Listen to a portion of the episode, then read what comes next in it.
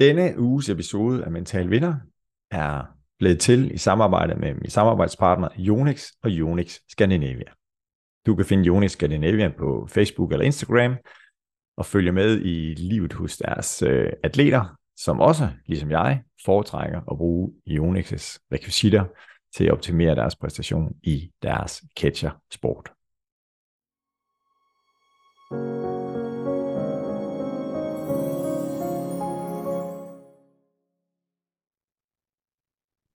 Nu starter anden del af samtalen, som jeg havde med Jakob Høj.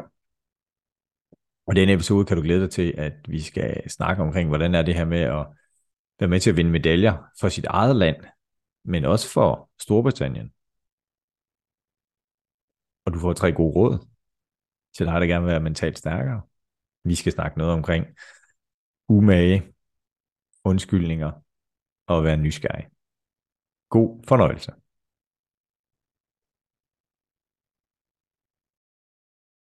Og det leder faktisk over til det næste, fordi vi har snakket lidt om medaljer, og der er en forside af medaljen, som er helt vildt flot og lækker, men der er også en dark side eller en bagside af medaljen. Så det her med, når vi ikke fremstår som mentalt stærke, mentalt svære person, ikke en mental taber, men så, hvad, hvad er det, der kendetegner sådan en person? Og nu deler jeg lige med lytterne, hvad, hvad dit syn på det var i 2010. Er du frisk på det? Helt sikkert. Mm. Så en person, er, er det en, øh, som ikke er mentalt stærk, men øh, tydelig frustration under stress, under store udfordringer. Også let stresset ved små hverdagsændringer, undskyldninger, store udsving mellem glæde og øve tanker. Og du har jo delt det lidt nu her, og hvad for en adfærd du synes, som ikke er mentalt stærk. Så nu skulle sætte nogle ord på her, hvad, hvad er det modsatte af en mental vinder? Jamen, jeg tror i virkeligheden, at den med undskyldninger, det er den, der står stærkest. Og det er også den, jeg kan genkende, at jeg har brugt oftest i, i forsamlinger og i individuelle snakke. Mm. Det er, at selv dem, som er træt af det, der bliver præsenteret for dem, eller af forholdene, af, af marker, af regler, af hvad det nu måtte være, selv de personer hører jeg eller tilkendegiver over for mig, at de er trætte af at høre på undskyldninger for andre. Der, jeg har ikke mødt dem, som synes, det er fedt at høre på undskyldninger, for alle ved, de er der, men der er ikke rigtig nogen, der gider at høre på dem. Ja. Så hele sætningen, lad os nu bare få sagt, hvad der kunne være undskyldning, for der er ingen, der gider at høre på dem. Slet ikke bagefter, uanset om vi har vundet eller tabt. Ja. Uh, det er jo helt vildt, at man stadig kan slippe afsted med at stå og komme med undskyldninger, når man bliver interviewet efter en sportspræstation, i hvilken som helst sportsgren, men heldigvis mest i fodbold. Uh, det, det kan jeg slet ikke forstå. Altså, det har, jeg har ikke menneskelig kapacitet til at forstå, at det er det, der er det højeste underholdningsniveau i, uh, i den verden, vi lever i. Men ja. det, det er kæmpe stort, og for mig der er det, det er bare et rødt kort, eller i hvert fald et, øh, et rødt flag om, at uh, nå, det er ikke sikkert, at du skal spille næste weekend. Hvis så undskyld, undskyld det, er, ja. det er klart den stærkeste. Mm. Så har jeg hørt nogen, der, der leverer uh, undskyldninger. Der var en undskyldning, der skete det og det, og det havde jeg svært ved. Hvis man rent faktisk formår at levere noget, og så dele noget af sig selv, og så sige, jamen dertil og ikke længere havde jeg øvet mig, havde jeg kapacitet, kunne jeg, det her det var nyt for mig, eller i dag kunne jeg ikke. Måske er de her årsager, men har man ikke refleksionen på plads til, hvorfor man ikke havde kapacitet til at være i det, eller sige, han gjorde det der, det pissede mig af. Mm. Jamen fint, så har du sagt, hvad det gjorde ved dig ligesom når folk skuffer mig, så kan jeg selv, hvorfor de skuffer mig. Men at stå og komme med undskyldninger, det synes jeg er virkelig, virkelig, virkelig, virkelig stærkt tegn på, at, at det går ikke så godt. At de ikke er mentalt stærke. Ja, ikke, de har i hvert fald ikke brugt ret meget krudt på at reflektere og forberede sig på det, de har indstillet deres, eller indvidt deres liv til. Hmm. Super, Jacob. Tak for de her indsigter, og øhm, jeg har nogle ord, som sådan fylder hos mig, eller det er i hvert fald den her evne til at kigge indad, evne til at, og det er jo i en almindelig situation, så er det måske nemmere lige at stoppe op og blive fluen på væggen, eller se ind på sig selv udefra i helikopterperspektiv. Jeg tager lige en dyb indånding, inden jeg siger noget, eller jeg tænker lige over mit kropsprog, eller jeg har knyttet mine hænder helt vildt hårdt, når jeg prøver lige at og så slappe af i hænderne. Og så er der den der stresssituation, som, øh, og det kan jo også være netop de her atleter, som har set sig selv vinde en kamp, eller vinde den sidste bold, og så har de tabt, og så, okay, hvad gør vi så lige? Hvis de ikke er så reflekteret, får man måske lyst til at spille undskyldningskortet. Øh, ja. Hvordan er det for dig, Jacob, i forhold til den her mental styrke? Fordi den rejse, du har taget, og de ting, og jeg har været med på sidelinjen, og de snakke, som vi har haft, hvor jeg sådan tænker, cool nok. Øh, hvordan beskriver du dig selv i forhold til at være mentalt stærk? Og den rejse, har der været nogle bestemte oplevelser i dit liv, som har gjort dig mentalt stærkere? Jeg, jeg tror, at jeg er ualmindeligt privilegeret på, at, at der har selvfølgelig været oplevelser af, af tab, nederlag, af skuffelser, øh, også bristet tillid og så videre. Mm. Men jeg tror egentlig, jeg har været så, så godt pakket ind i mit privilegerede liv, som øh, sikret af familie og venner og så videre, at det der med sådan virkelig at sige, har man været helt nede, jamen jeg har sikkert kunne sige ordene, så langt nede har jeg aldrig været før. Jeg tror alligevel ikke, jeg kan sige, at jeg har været helt nede. Altså jeg har trods alt så meget kontekst og, og, og realisme omkring mit eget liv, at jeg har det godt. Mm. Og så tror jeg, at min styrke er, at jeg godt kan sove om natten. Uh, at jeg godt kan forstå, eller sætte mig ind i, hvorfor folk måske er virkelig skuffet over mig mm. på et tidspunkt. Det gør ondt, og jeg bliver ked af det. Så det er ikke at uh, på ingen måde kold, uh, og jeg bliver også påvirket af det. Men jeg ved, at jeg bliver påvirket af det, og jeg er okay med, at jeg bliver påvirket af det. Og, og så tror jeg måske, at jeg er blevet så rundt, at øh, jeg har jo det gode liv. Det skal mm. nok gå alt sammen. Jeg synes, øh, at vi langt hen ad vejen er så heldige, at vi bor i et samfund, hvor vi skal virkelig være uheldigt stillet, eller uheldige med, vores, med nogle af vores valg, for at der ikke også er nogen, der kan, kan samle os op igen. Mm. Og det finder jeg også ro i. Det hviler jeg også i. Ja. Så jeg, jeg tror, at jeg har en styrke og en ro i, at det skal nok gå. Og så i virkeligheden, alle de der svære snakke, som man skal forberede, det kan være, man skal afskede en, det kan være, man skal have en, der ikke sætter på holdet, det kan være, der er en, der ikke længere skal være en del af et program. Mm. Øhm, det kan være forskelligt. Det kan jeg godt gå og tænke over i rigtig lang tid. Men jeg bliver mere og mere, jeg kalder det kynisk, men jeg føler ikke, at jeg bliver det negative, kyniske, dårlige menneske. Men jeg er aldrig kommet ud fra det møde, den samtale, den ubehagelige samtale, andet end meget, meget gladere og meget, meget mere lettet. Så derfor glæder jeg mig nærmest til at ikke glæder mig ikke. men jo, Nej, men... Jeg, jeg glæder mig til at komme ind og gå ind i de her samtaler, og jeg er lynhurtig til at, at invitere eller konfrontere folk, hvis det er der. Fordi jeg har ikke prøvet andet end at komme godt ud på den anden side. Ja. Det betyder ikke, at alt er gået godt, men det betyder, at, at vi kan være i det. Ja. Jeg talte med en leder her, jeg tror det var i sidste uge, hvor øh, han, vi talte om det omkring det her med den svære samtale eller konflikterne, hvor han også sagde, jamen han havde oplevet flere og flere gange den her, jeg ved ikke om det er lettelsen, men, men bagefter. Godt, jeg tog den her konfrontation, vi er kommet videre, han er selv kommet videre, de implicerede parter er kommet videre.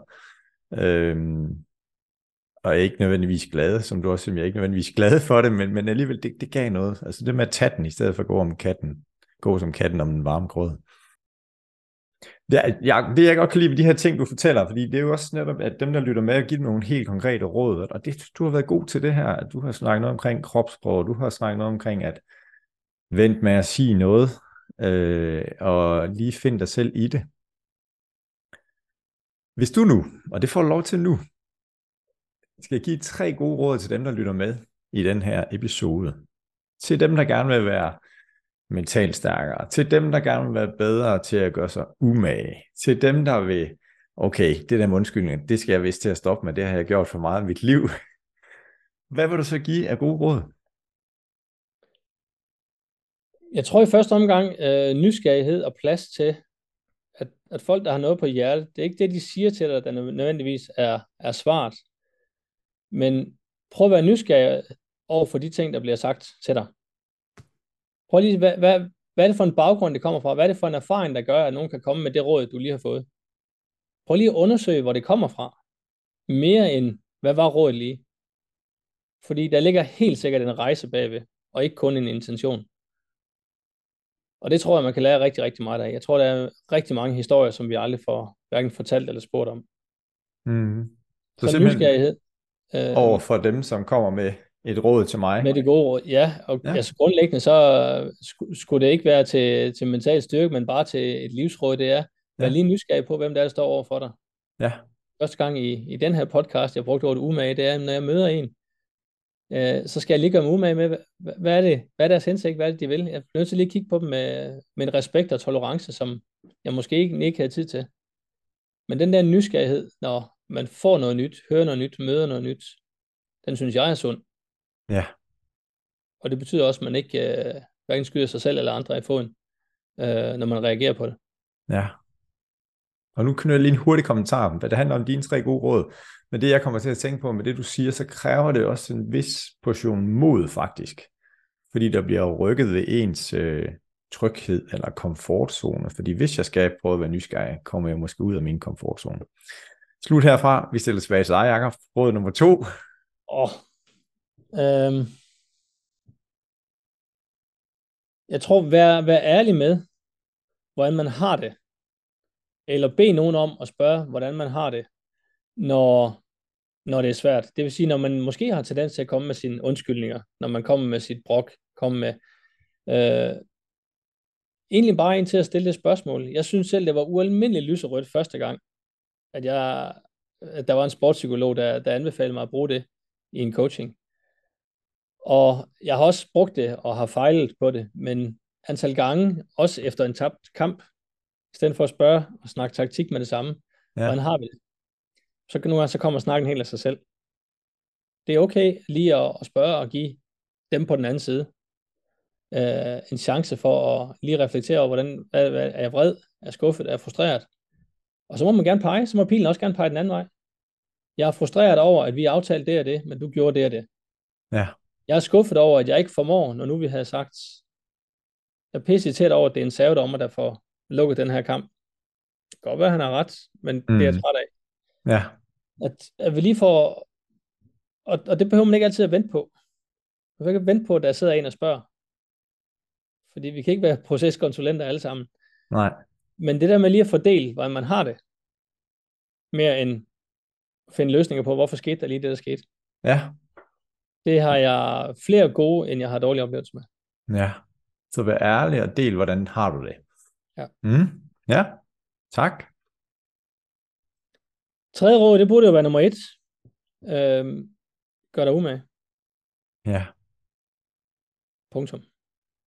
Fordi der ligger altså bare en hel roman, og en, altså, der ligger filosofi, der ligger psykologi, der ligger fysiologi, der ligger så meget bagved det udtryk, men så gør det umage med at finde ud af, hvad umage er for dig. Gør det umage, for ellers er alt det andet ligegyldigt. Og man kan det... se på en vinder. Man kan se på en vinder, om uh, han hun gør sig umage. Ja. Det, det, kan, du, kan, du, kan du give et eksempel på en vinder, som du synes er god til at gøre sig umage, eller sætte flere ord på, selvom det er kort og præcist? Men hvis du, hvis du nu er nogen, der lytter til, jamen, hvor, hvor kan jeg starte med at kigge hen? På en, som gør sig umage. Jamen, jeg, det, er, det er bare alt, alt for oplagt, når vi nu vi har en sportsgren med, med verdens bedste i badminton. Mm. Så synes jeg, jeg synes også, men til gengæld, så synes jeg også, det er tavligt ikke at, ikke at nævne Victor. Ja, Axelsen. Han gør sig umage. Mm. Øh, ja, han har ikke gjort noget, som jeg synes er ekstremt. Øhm, og jeg vil ikke snakke om hans øh, valg til og fra, men jeg kan se, at han gør sig umage. Ja. Øh, og det behøver jeg ikke at, at bruge på hans adresse for. Kan jeg høre, når han taler. Det kan jeg se, når han bevæger sig. Det kan jeg se, når han, øh, når han træner. Så kan man gå ind og se, hvor er de der indikationer på? Hvad er det, hvad er det man kan se? Man kan se, hvordan man bruger tiden. Man kan se, øh, om der bliver snakket, om øjnene flakker. Man kan se, hvordan man holder kroppen, mm-hmm. mens man ikke er i gang. Man kan se, hvordan man bruger sit, sine talerør, øh, sine holdkammerater, sine træner. Så det er godt. Jeg, jeg, synes, det, jeg, jeg synes, det er for oplagt til at, og det vil være tjusket, ikke at bruge ham som eksempel. Ja. Fordi jeg kan ikke, jeg kan ikke komme på nogen, som øh, gør sig umage på det niveau. Det er rigtig, rigtig godt. Og det, som jeg har oplevet, det er netop, det er nemt at kigge til de aller, aller bedste. Og så kan der være nogen, det kan være en ung udøver, som er sen teenager, som har en eller anden drøm om at stå på samme scene som Victor Axel på et eller andet tidspunkt. Hvor at det man kan gøre, det er at finde nogen, der er lidt tættere på en selv, og ikke lige så langt væk som Victor, hvis det er, i ens træningsgruppe. Hvem er det, der gør, der gør sig umage der? Og så måske prøve at efterligne vedkommende, eller gå hen og spørge. Jeg synes bare, du gør dig mega meget umage. Hvad tænker du? Hvad gør du? Hvad, hvorfor er du så god til det? Eller prøve at spørge øh, et sæt voksne øjne øh, om, hvordan ser du det? Og ja. jeg, tror, jeg tror, vi er naive, hvis vi tror, at ved at tage snakken, samtalen, så gør alle det. Øh, men, men derfor kan vi godt opfordre til at have en kultur, hvor vi snakker om, hvad er det for nogle elementer, vi sætter pris på i forhold til at gøre sig umage. Mm. Graden af, og graden af, hvad, hvad man offrer, øh, offrer i forbindelse med det, jamen det er også, når man skal gøre op med sig selv, jamen, hvor langt vil jeg nå, hvad vil jeg nå, øh, under hvilke forhold vil jeg nå det. Så, så derfor i talsat bare nogle få ting om, hvordan ser umage ud. Ja. Og det er det, jeg synes, der tit bliver glemt i snakken om værdier. Mm. Ja, vi vil gerne være glade. Hvordan ser glæde ud?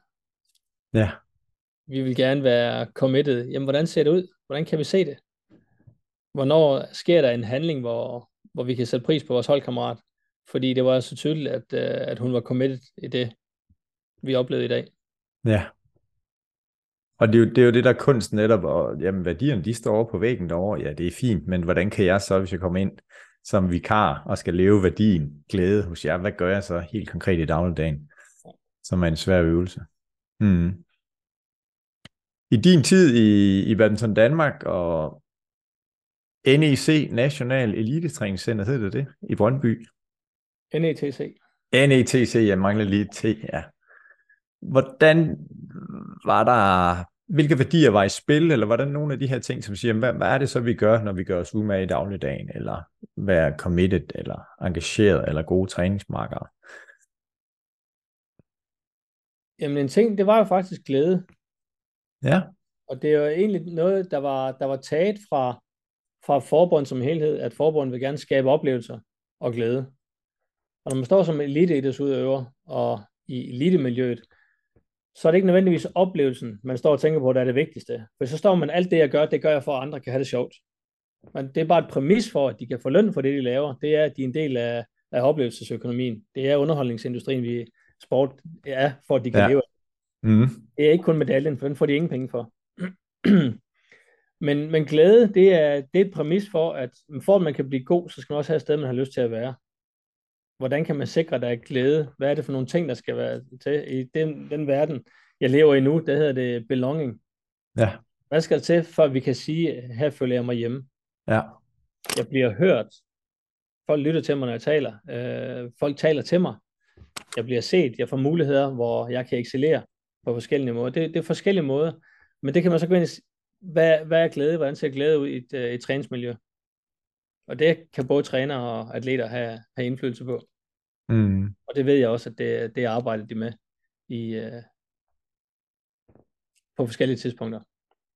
Altså i grupperne. Hvordan, hvordan ser vores værdier ud, når, når vi lever dem?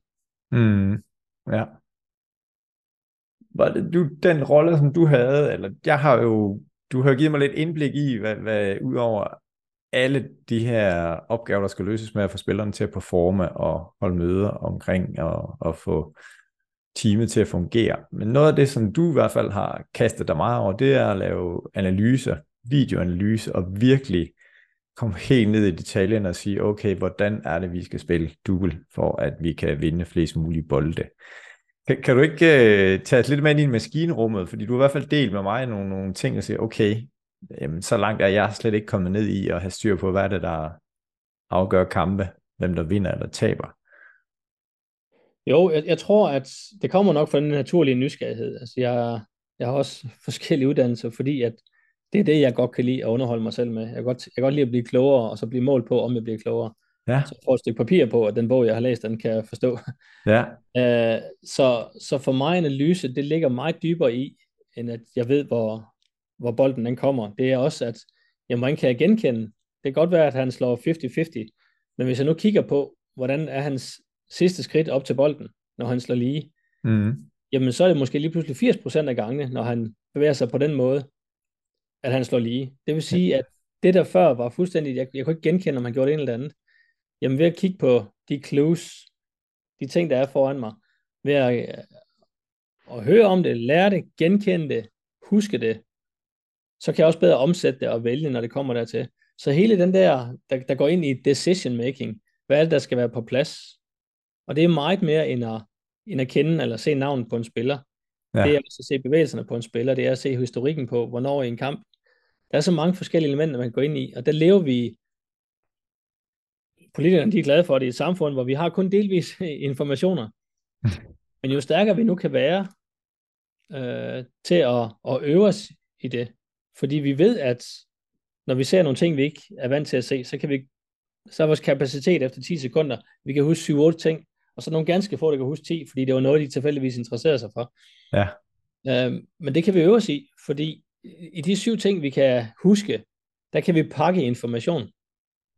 Mm. Så jeg synes, det er interessant, at når jeg siger DSB, jamen så langt den største del af den danske befolkning, de tænker ikke tre bogstaver.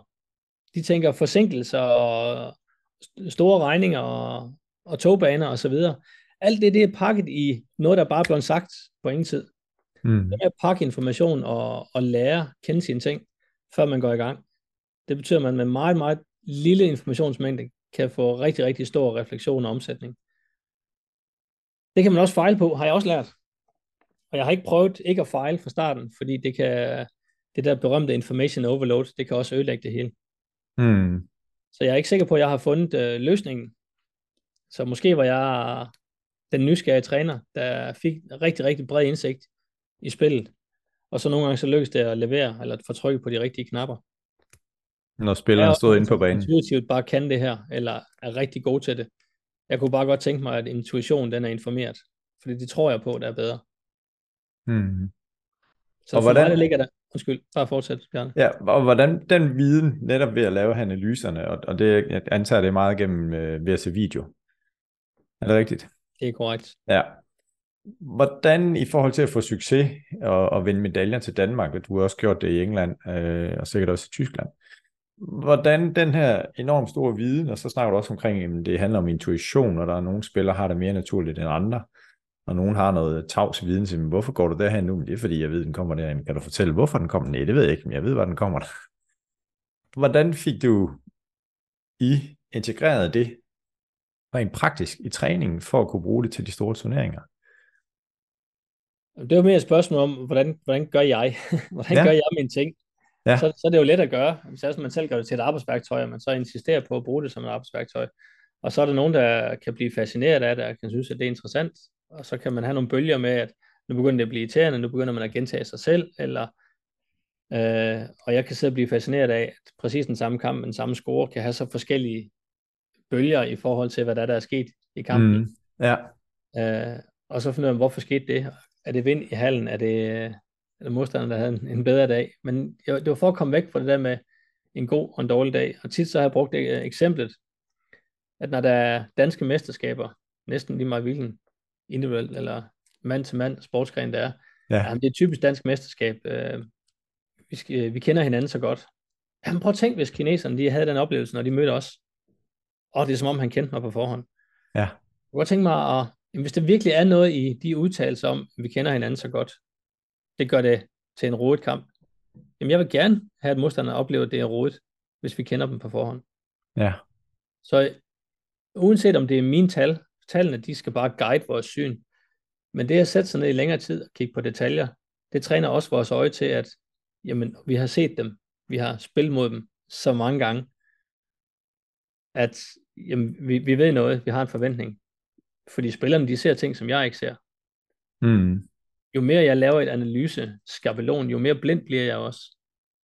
Det er jo, det er jo svagheden ved at, at samle information. Jeg finder kun den information, jeg leder efter. Ja der er det jo super sundt at have en intuitiv spiller, eller en kritisk træner, som måske ikke gider at sidde og gøre det her, og så sidde og sige, jamen, hvad, hvad med det her? Ja. Vi skal, ikke, vi skal på, at ikke gør det sværere, end det er. Og det har jeg helt sikkert nogle gange gjort. Men, øh, men jeg priser mig også ved, at jeg føler, at jeg har en god indsigt i, hvad der virkelig sker. Mm. Vildt spændende det her. og sikkert også tidskrævende. Meget. Ja. Vi er ved at nærme os øh, et tredje sæt for at bruge en badminton-metafor. Vi er langt over 11 i, i tredje sæt her, Jakob. Hvis vi skal sådan øh, flyve op i helikopterperspektiv og sådan kigge tilbage på dit liv indtil nu her, hvad er det så for nogle resultater, du ser tilbage på? Det kan også være oplevelser, men som du ser tilbage på med stolthed.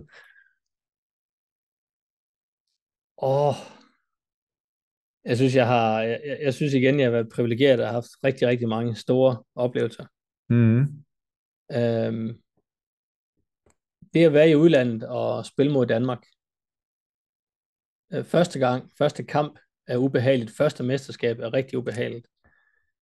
Øh, men første medalje i et mesterskab for et andet land, det er, det er en eller anden tilfredshed ved, tilfredsstillelse i. Det er at, at, at komme med noget nyt til det land.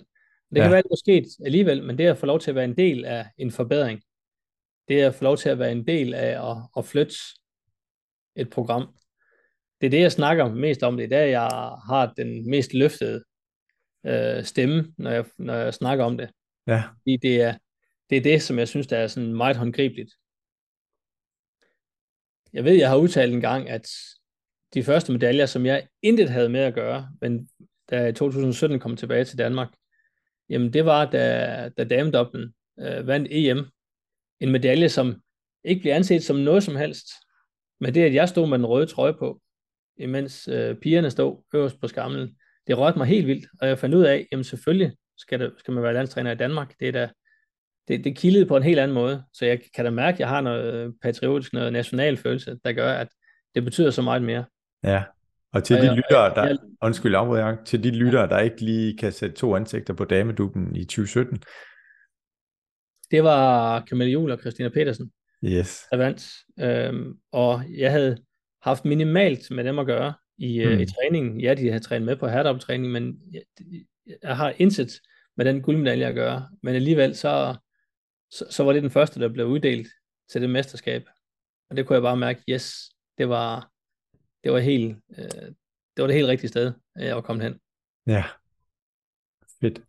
Og det er jo mere husk... en følelse, end det er en rationel tilfredsstillelse om mit eget bidrag, fordi der havde jeg reelt ikke bidraget med ret meget. Nej. Og det er jo også lidt det her med, øh, dem som ikke kender dig så godt, så kan man sige, at det der store mesterskab, og han var med på medaljeskammen, og så er det det, der betyder mest, eller er det det daglige arbejde, eller processen? Hvordan, øh, hvad er det, der sådan giver dig mest glæde? Hvis jeg kan spørge sådan, det gjorde jeg i hvert fald. Ja, altså processen, den, det, det er, jeg tror, jeg har hørt mig selv sige, at processen det er vigtigt for mig. Jeg ved, jeg er procesorienteret. Men det er også i processen, at der er flest frustrationer. Det er i processen, man banner mest. Det er der, man kan være irriteret, skuffet. Det er der, alle, hele følelsesbarometer, det kommer. Mm. Det at sige, at man nyder at være frustreret, det, det hænger jo ikke sammen. Men, men resultatet af en bevidst proces, det fylder meget. Ja. Og det at komme tilbage, og jamen fordi at fokus var på, hvordan vi gjorde, og ikke bare, at nu skal vi gøre sådan og sådan. Ikke at vi skal samarbejde, men hvordan skal vores samarbejde fungere. Mm. Når det så lykkes, det er en kæmpe tilfredsstillelse. Øh, jeg kan godt lide at være i opstarts, planlægnings, øh, afstemningsprocessen, udviklingsprocessen.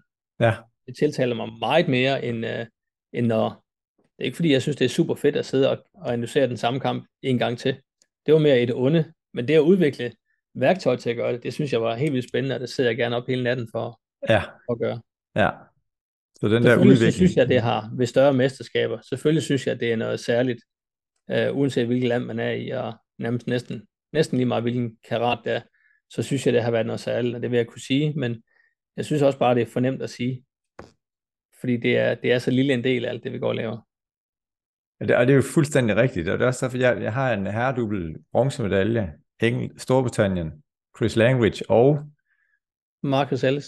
Marcus Ellis. Og der var du i den grad involveret i det resultat, tænker jeg. Øhm, har jeg ret i det? Det har du ret i, og jeg er også meget, meget stolt af det. Og det er også mm. en historie, som jeg godt kan lide at dele, hvis man er nysgerrig på, på rejsen. Øh, jeg, og jeg, jeg kan faktisk også huske, at da de stod på, på podiet, for der stod jeg ret langt væk fra dem, Ja. Øh, der fik jeg måske også lidt blanke øjne et kort øjeblik. Ja. Men det er også, så husker jeg tilbage på de 30 sekunder, øh, hvor for øvrigt kinesernes nationalsang blev spillet. Så jeg kan jo ikke sige, at det har været en stor lykke, og det fylder meget i mit liv. Det har været en meget, meget lille del af, af noget, men det var da meget rart. Det var, mm. det var sgu da meget sjovt at være med til. Ja. Det, det er da rigtigt. Ja. Men det er, his, historien sætter jeg nok mere pris på, end, end selve de 30 sekunder. Ja. Mm. Og det er jo det, der er spændende også, hvad, hvad der driver øh, os, og ikke mindst de spillere, eller i hvert fald da du var badmintontræner også, jeg er jo så stadigvæk lidt i solo, men, men sig, hvad, hvad, hvad er det, der driver jer? Altså, det er også det, jeg hører, at du gør meget ud af at lave en ramme, et setup for, at øh, hvordan skal vi gøre tingene her, for at skabe det ultimative, eller det bedst mulige, og have nogle klare regler og rammer, hvis så bliver det nemmere at navigere. Altså, det er vigtigt for mig, at, at jeg ikke, jeg prøver på ingen måde at tage afstand fra medaljen. Det er jo, det er jo lige præcis det, jeg kan mærke, at der er det nye i der, hvor jeg sidder nu. Jeg kan jo godt lide, at når man sidder, det, det er nu, det gælder. Ja. Det er nu, vi kan vinde eller tabe. Jeg kan jo godt lide, at det gør så ondt, at man har fysisk ondt i maven, og man bare har lyst til at være alene efter et nederlag. Det er jo, det, det, når det, det, der er på spil der, det kan jeg jo godt lide. Ja. Så selvfølgelig kan jeg godt lide at vinde, og jeg vil rigtig, rigtig gerne vinde. Ja. Men det bliver bare en konsekvens af, hvor godt man har forberedt sig. Mm. Så der er et nyt ord her, vi, eller jeg i hvert fald får lyst til lige sådan, og hvis vi skal summere op, og hvis der er fem ord, så det kan man ikke, men, men alligevel, altså, der er noget med noget umage, der er noget med nogle undskyldninger, og så er der noget med forberedelse.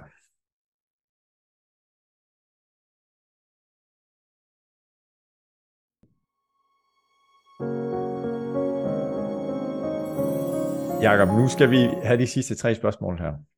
Og det første, det er, hvis du nu skal give dit yngre jeg et godt råd, hvordan vil rådet så lyde? Og hvor gammel er dit yngre jeg på det her tidspunkt, hvor du tænker, det er et relevant råd at give den yngre Jakob Høj? Det, øh, det råd, det har jeg fået. Øhm, og det er faktisk lidt skørt. Det, jeg, jeg bruger det her eksempel ret tit, og det irriterer mig helt vildt, at jeg skal tage, dykke ned i min egen svaghed, når jeg skal, når jeg skal hjælpe andre. Men øh, jeg var på elitetræneruddannelsen, der blev færdig i 2005, og det var du også med til, Bjørn. Det var jeg, ja. Og du var med til at få fat øh, faktisk den kommentar, som øh, vores kollegaer skulle give til hinanden på et godt råd. Og det blev øh, fortalt helt kort sådan her. Jakob, nogle gange, så skal du sætte dig ned, så skal du lukke røven, og så skal du lytte. Også selvom du har noget på hjertet. Og det, jeg synes, det var godt. Jeg synes, den sad godt, og det var, var helt, det var pisseirriterende, da, da det blev sagt. det var virkelig, ej kom, har I virkelig ikke mere? Mm. Fordi der var jeg nok nået til et sted, hvor jeg i virkeligheden følte mig lidt som verdensmand, og jeg havde altid noget på hjertet. Jeg havde en holdning til alt, og det var jeg jo berettet til at dele. Men det er egentlig bare at give folk en chance for at snakke, og andre have en holdning. Og så egentlig bare lige prøve at sidde og være i det, uden at være ligeglad. Det var, det var et godt råd. Det var et rigtig, rigtig godt råd. Der gik lang tid, før jeg fandt ud af, at det var et godt råd. Mm. Men det er noget, jeg har tænkt over rigtig, rigtig meget siden.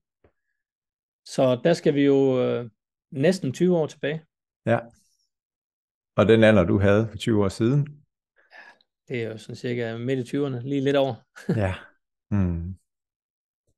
Så nogle gange, så skulle du sætte dig ned, og hvad var det? 10 stille? Sæt dig ned, ja. klap i og lyt. Ja, og lyt.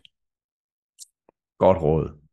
Ja. Så går vi lige frem i tiden. Hvis nu, skal få, nu får du mulighed for at give dit ældre jeg et godt råd. Hvilken alder har du? Og hvordan vil rådet lyde? Åh, oh, den bliver svær, for nu kommer du igen om 10 år og spørger mig, om, om jeg... Det gør jeg helt sikkert. så kan jeg jo lige så godt bare sige om, sige om 10 år. uh, uh, jeg skulle nok spørge mig selv, husker du at gøre det, som du i virkeligheden synes var sjovt? Øh, eller blev du ved med at søge efter noget, der måske var sjovt? Eller sjovt? Mm. Ja, så stop op og mærke efter. Husk du at gøre det, der er sjovt. Ja, altså, det skulle jeg være kritisk over for, for min egen handling, eller det, jeg kunne finde på at gøre. Mm. Så skulle det være nysgerrighed, hvor, hvor lang tid skal det, skal det drive en. Men det er en drivfaktor for mig, så jeg ved, at det kommer til at får mig til at tage valg, som ja. gør, at jeg ikke ved, hvad der er på den anden side. Ja. Og så kunne man godt stå bagefter, jamen når du at gøre det, som du virkelig synes var sjovt, eller var du bare ude på udkig efter noget, der måske var sjovere? Det, det tror jeg er et relevant spørgsmål til mig. Super godt råd. Tak for dem. Hvem kunne du godt tænke dig, Jacob, jeg skulle invitere ind i Mental Vinderstudiet til en snak omkring mental styrke? Og jeg ved faktisk ikke engang, om du har haft besøg af vores øh, gode kollega. Øhm, altså jeg, har, jeg har to, jeg har to trænerkandidater, øh, ja. som, som jeg synes er, relevante. Ja. Den ene, det er den tyske landstræner, Jeppe Løvesen. Jeg kunne ja. forestille mig, at du har snakket med ham. Han har ikke været med i podcasten endnu. Jeg synes, han skal. Ja. Fordi det er en mand, der uden at kende umage, gør sig rigtig, rigtig meget umage, men også på et niveau, hvor, hvor han kan glemme sig, sig selv. Det må jeg godt sidde og udlevere her. Mm. Og så han fortælle, om der er nogle flere om det. Ja. Uh, han vil være rigtig, rigtig interessant at snakke med. Så havde jeg en, uh, en god kollega, um, Jesper Hågaard. Ja. Som er landstræner. For Danmark, yes. Uh, ja, han, uh, han havde en irriterende evne til at gøre, altså at få, få enten flyttet eller, eller løftet perspektivet på enhver diskussion, uanset hvor ophævet den var, og så bare få den smidt ud, og så kunne man sidde der og føle sig fuldstændig blottet for, for nye argumenter. Uh, I praksis har jeg sjældent mødt en, en person, som er så stærk til at, til at være til stede i en diskussion, uden nødvendigvis at have svaret selv. Jeppe Ludvigsen, Jesper Hårgaard. Yes. Det er noteret. Tak for at du være med, Jakob. Og til dig, kære lytter, tak for at du lytter med på den her podcast. I næste uge gør vi det igen. Og øh, hvis du synes, at Jakobs syn på det at være mentalt stærk, og hans rejse, han har taget i sit liv, inden for badminton, uden for badminton, hvis den podcast skal lyttes til af nogle af dine venner, så er det bare med at dele den. Har du ikke allerede nu abonneret på den, så er det bare med at begynde at abonnere på denne podcast. Vi høres ved. Tak for at du lytter med.